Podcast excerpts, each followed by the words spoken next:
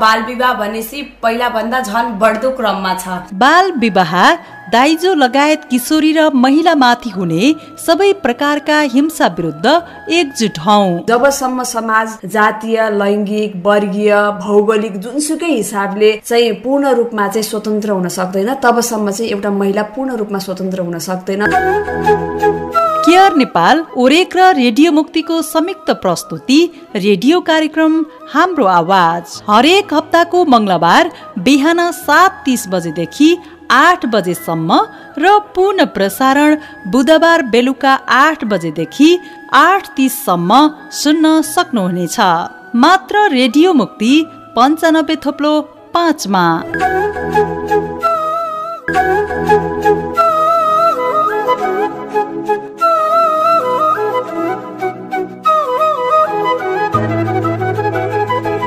नमस्कार। रेडियो कार्यक्रम हाम्रो आवाजमा तपाईँलाई स्वागत छ। कार्यक्रम सँगै छौँ प्राविधिक साथी मनिषा बस्याल अनि म हुँ कार्यक्रम प्रस्तुता अस्मिना पाण्डे।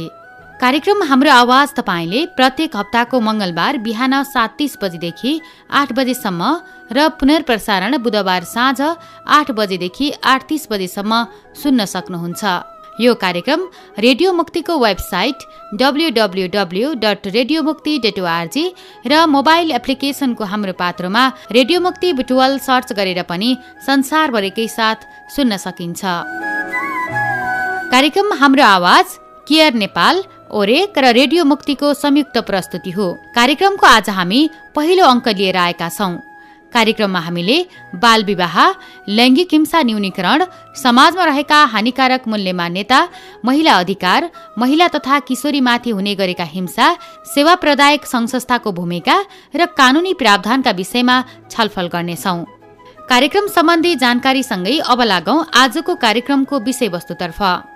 आज भने हामीले समुदायमा बाल विवाहको अवस्था कस्तो छ यसको प्रभाव र न्यूनीकरणका लागि किशोरी अधिकार मञ्च रूपन्देही र ओरेकले कसरी काम गरिरहेका छन् भनेर संस्थागत परिचयसँगै कुराकानी गरेका छौं। अब सुनौ उहाँहरूसँग गरिएको कुराकानी। किशोरी अधिकार मञ्चको स्थापना उद्देश्य र बालविवाह न्यूनीकरणका लागि संस्थाले खेलेको भूमिका बारे हाम्रा सहकर्मी कल्पना तिवारीले किशोरी अधिकार मञ्च रूपन्देहीका कोषाध्यक्ष शालिनी मिश्रसँग कुराकानी गर्नुभएको छ। सुनौ उहाँ के भन्नुहुन्छ? यहाँलाई कार्यक्रममा हार्दिक स्वागत छ। धन्यवाद नमस्कार। आराम हुनुहुन्छ? हजुर। विशेष गरी यो किशोरी मुद्दामा तपाईँ अगाडि हुनुहुन्छ यति बेला रूपन्देही जिल्लामा बसेर। यो किशोरी अधिकार मञ्च रूपन्देही कहिले स्थापना भयो? यो हामी पचहत्तर सालमै मञ्चको रूपमा गठन गरेको थियौँ तर यसलाई दर्ता चाहिँ हामी दुई हजार छिहत्तर सालमा गरेको। किशोरी अधिकार मञ्च स्थापना गर्नको उद्देश्य यसले के के काम गर्छ के होला यो? पहिला हामी एउटा प्रोजेक्टद्वारा परियोजना कार्य मार्फत समाजमा साना समूहमा दसजना पन्ध्रजना किशोरीहरू भेला भएर अब मेरो पालो परियोजना अन्तर्गत समाजमा ती हानिकारक मूल्य मान्यताहरूलाई पहिला पहिचान गर्न सिक्यौँ कि यी कुराहरूले हामीलाई विभिन्न कुराहरूमा गतिशीलतामा अगाडि बढ्नमा केही कुरा सोध्नमा पनि रोक लगाइराखेका छन्। यी कुरालाई हामीले चिर्न पर्छ। हामी पछिका पुस्ताहरूले पनि यी नै समस्या नभोगुन् भन्ने कारणले हामी आफ्ना ती हानिकारक मूल्य मान्यताहरूलाई आफ्नो समाजमा अगाडि ल्याएर उहाँहरूलाई पनि बताउन पर्यो कि यो कति समस्याहरू अचेतनाका कारणले पनि भइराखेका हुनाले उहाँहरूले पनि बुझुन् कि यी का कारणले गर्दा हाम्रै सन्तानहरू हाम्रै भविष्यहरू अन्धकारमा भइराखेका छन् भनेर समूहमा गठन भई विभिन्न पाठ्यक्रममा समावेश हुन छुटेका विषयवस्तुहरूमाथि पनि छलफल गर्थ्यौँ कार्यक्रम गर्थ्यौँ अभिभावकहरूसँग अन्तर्क्रियाहरू गर्थ्यौँ सरोकारवालाहरू वडा अध्यक्षहरूसँग अनि स्थानीय त्यो टोल समितिका सदस्यहरूसँग शिक्षकहरूसँग धर्मगुरुहरूसँग पनि महिनाको रूपमा हामी बैठक बसेर उहाँहरूसँग पनि छलफल गर्थ्यौँ। समाजका मूल्य मान्यताहरू तोड्नमा हजुरको भूमिका के? हामी कसरी हामी दुवैजना सँगै कार्य गर्न सक्छौँ भनेर ससाना समूहलाई आफ्नो टोलबाट फेरि समाजतिर लाग्दै गर्दा आफ्नो गाउँपालिका स्तरीय हुँदै अब हामीलाई यसलाई अलिक बढाउनु पर्छ। यो समस्या हाम्रो घरको मात्र र हाम्रो गाउँको मात्र होइन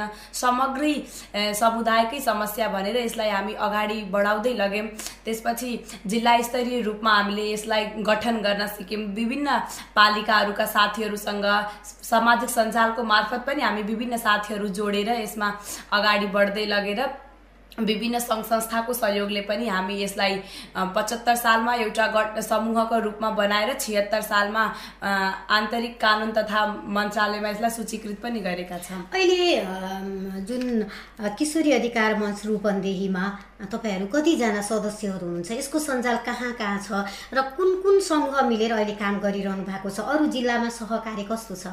हामी पहिला गाउँमा हुँदा पच्चिसजनाको समूह थियो। कतै कतै छुट्टै छुट्टै परियोजनाद्वारा चल्ने भएकाले कतै पन्ध्रजना पनि हुनुहुन्थ्यो। तर अहिले हामी जिल्ला लेभलको किशोरी अधिकार मञ्चकै रूपमा गठन गर्दा बोर्ड मेम्बर रूपन्देहीमा अलि बढी गाउँपालिका भएको हुनाले यहाँ तेह्रजना सदस्य छन् बोर्ड मेम्बरमा र कपिलवस्तु जिल्ला हाम्रो दुवै कार्यक्षेत्र भएको हुनाले त्यहाँ दसजनाको बोर्ड मेम्बर छौँ अनि हरेक पालिकामा पालिका स्तरीय पन्ध्रजना सदस्य र प्रत्येक पालिकाको प्रत्येक वार्ड वार्डमा पच्चिस पच्चिसजना गरी किशोरी सदस्यहरू। हामीले यसमा उमेरलाई पनि क्राइटेरिया बनाएर राखेको छौँ। पच्चिस वर्षपछि हामी नेतृत्व हस्तान्तरण गर्ने हामी पछिका भाइ बहिनीहरूलाई पनि सिकाउनु पर्ने कुरा गरी पच्चिस वर्षपछि नेतृत्व हस्तान्तरण गर्ने काम पनि गरिराखेका छौँ। र हामी सञ्चालीकरणकै अ, समयमा हामी अहिले पुनः हामी यो रूपन्देही र कपिलवस्तु कार्यक्षेत्र हुँदाहुँदै हामी अर्घखाँचीमा पनि किशोरी अधिकार मञ्च भनेरै गठन गरिरहेका छौँ र हामी लुम्बनी प्रदेशका बाह्रवटै जिल्लाका साथीहरू मिलेर हामी प्रदेश स्तरीय किशोरी सञ्जाल पनि बनाइसकेका छौँ। यसको घोषणापत्र पनि हामी प्रदेश आयोजनाको सरकारलाई पनि बुझाइसकेका छौँ। अब चाहिँ गर्ने मुद्दाहरू यति बेला कुन कुन मुद्दामा चाहिँ तपाईँहरूले सवाल उठाइरहनु भएको छ? बाल विवाहको अवस्था चाहिँ कस्तो छ? यो पनि जोड्नु होला है। चारवटा मुद्दालाई प्रमुख बनाएका छौँ। गतिशीलतामा नियन्त्रण यौन दुर्व्यवहार उच्च शिक्षा हासिल र बाल विवाह। र मुख्यतया हामी फोकस चाहिँ बाल विवाहलाई गरेर गरिराखेका छौँ किनभने यो हामीले भोग्ने दुःख जस्तै छ। हाम्रा बहिनीहरू हाम्रा दिदीहरू दिनहुँ यसबाट पीडित हुनुभएको छ। शिक्षाको क्रम समाजमा पहिलादेखि अहिले बढ्दै गएको छ। तर बाल विवाह भनेपछि पहिलाभन्दा झन् बढ्दो क्रममा छ। पहिलाको समाजमा जुन स्थितिमा बाल विवाह हुन्थ्यो आजकल जबरजस्ती गरेर अनि कसैको ललाइ फकाइमा र कसैको वाहवाहीमा पनि विवाह गर्ने चलन भइराखेका छन्। दाइजो बढी नदिन परोस् भन्ने कारणले गर्दा बाल विवाह बढिराखेको छ र जता जसरी कुनै कुनै क्षेत्रमा हामी यौनिक दुर्व्यवहारहरूलाई पनि मुद्दामा राखेको हुनाले सवारी साधनहरूमा हुने दुर्व्यवहारदेखि लिएर सार्वजनिक स्थलहरूको दुर्व्यवहारलाई पनि समावेश गरेर बाल विवाहलाई मुख्य फोकस गरेर स्थानीय सरकारहरूसँग छलफल गरेर त्यस्तै हामी विभिन्न सङ्घ संस्थाहरू जस्तै ओभिन नेपाल सुनगावा सामुदायिक विकास केन्द्र अन्य किशोरीका हकितमा काम गर्ने सञ्जालहरूसँग मिलेर कार्य गरिराखेका छौँ। जस्तो केयर र अनि ओरेको सहयोगमा पनि अहिले तपाईँहरू कार्यक्रम। गरिरहनु भएको छ। कस्ता कार्यक्रम आए? खास कस्ता कार्यक्रमहरू सञ्चालन भइरहेका छन्? जस्तै हामी पहिला त ओरेक नेपालका दिदीहरूले हामीलाई आर्थिकका साथसाथै प्राविधिक र शारीरिक मानसिक सबै तवरको हेल्पहरू गर्नुहुन्छ। उहाँहरूले हामीलाई कसरी कुन ठाउँमा कसरी प्रश्नहरू उठान गर्ने कुन कुन प्रश्न उठान हाम्रो लागि राम्रो हुन्छ भन्ने कुराहरू समेत र कस्तो समयमा कस्तो प्रश्न उठाउनुपर्छ भन्ने कुरालाई पनि फोकस गरेर हामीलाई सिकाउनुहुन्छ। अनि हामी गाउँ टोलमा कार्य गर्दाखेरि स्थानीय सरकारसँग समन्वयका लागि उहाँहरू हामी किशोरीहरू पनि गाउँपालिकामा किशोरीहरूको जसरी प्रतिनिधिज्यूहरूको एउटा सञ्चालीकरण हुन्छ त्यसमा पनि हामी किशोरीलाई समावेश गराउने विद्यालय हाम्रो लागि बनेको छ भने विद्यालय व्यवस्थापन समितिमा पनि एउटा बालिका होस् वा बालक होस् उसलाई पनि व्यवस्थापन समितिको सदस्य बनाएर राख्ने त्यस्तै टोल विकास समितिमा पनि एउटा सदस्य बनाएर राख्ने त्यसरी गर्दा हामी समाजमा गाउँमा वा पालिका स्तरीयमा स्रोत साधनको देखि लिएर बजेट विनियोजनसम्मको कार्यमा पनि हाम्रो पहुँच बढ्ने हुना किनभने आगामी दिनमा हामी स्थानीय सरकारसँग सम्झौता गरेर हाम्रो उद्देश्यहरू पनि किशोरीलाई स्थानीय स्रोत साधनमाथि पहुँच बढाउने तिनीहरूको आवाजहरू बढाउने कुरालाई फोकस गरेको हुनाले यसरी नै कार्य गरिराखेका छौँ अहिले तपाईँ जुन अभियानमा हुनुहुन्छ त्यहाँ जाँदा तपाईँको परिवार स्थानीय सरकारले कस्तो व्यवहार गर्नुहुन्छ? पहिले र अहिलेमा के फरक छ? खासै त डिफ्रेन्स आएको छैन तर परिवर्तन भन्ने कुरा नै सुस्तरी आउने कुरा हो त्यो परिवर्तन चाहिँ भएको छ। पहिला हामी परिवारबाटै हिँड्न कठिन हुन्थ्यो।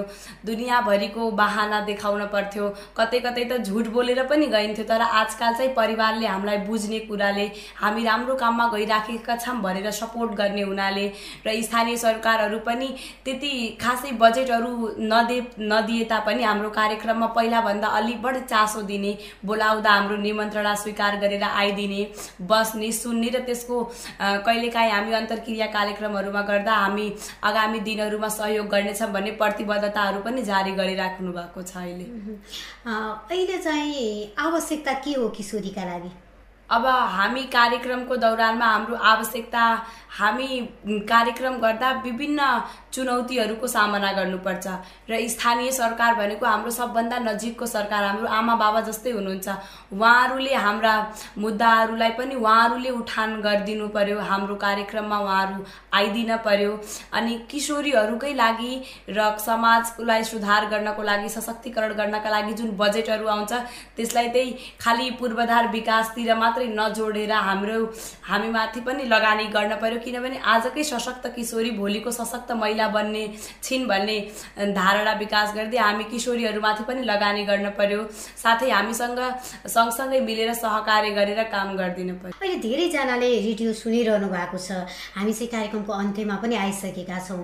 रेडियो सुन्ने आमा बुवा दाजुभाइ दिदीबहिनीहरूलाई चाहिँ किशोरीको सवालमा चाहिँ के गर्न आग्रह गर्नुहुन्छ?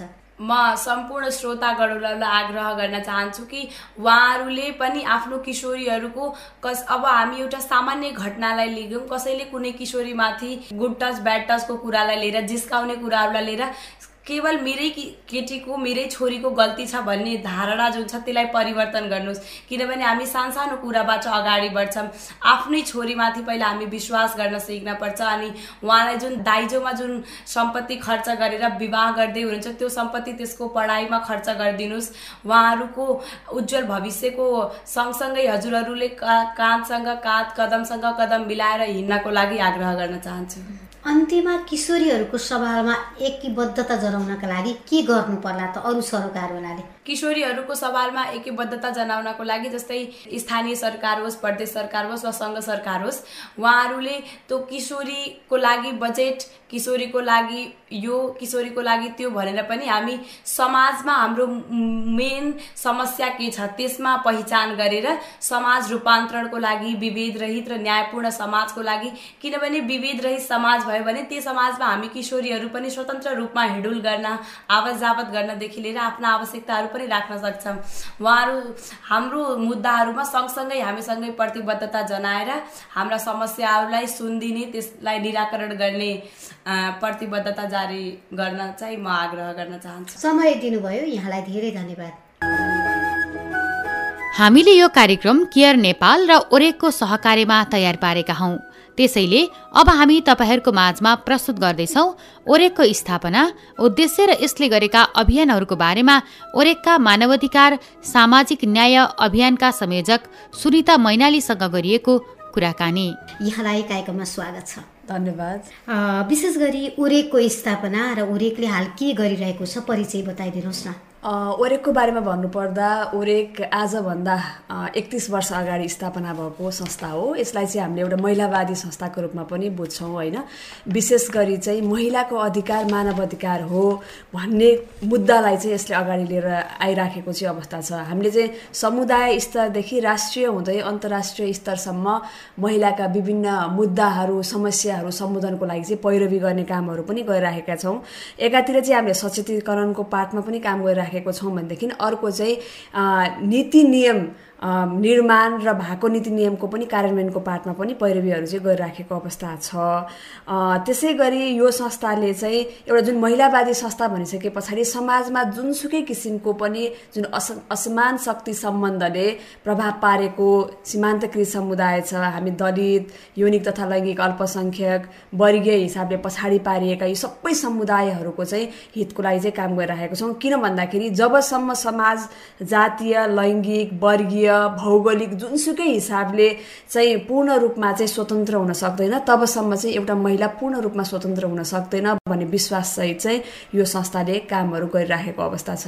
अहिले कस्ता कस्ता खालका अभियानहरू सञ्चालन भइरहेका छन् र किशोरीतर्फ चाहिँ के गरिरहनु भएको छ? विशेष गरी ओरेकले चाहिँ तिनवटा विभिन्न अभियानहरू सञ्चालन गरिराखेको छ। एउटा चाहिँ महिला हिंसा विरुद्धको अभियान अर्को भनेको चाहिँ मानव अधिकार र सामाजिक न्याय अभियान र अर्को चाहिँ सामाजिक आर्थिक सांस्कृतिक अधिकारको अभियान भनेर यो तिनवटा अभियान अन्तर्गत रहेर हामीले काम गरिरहेका छौँ।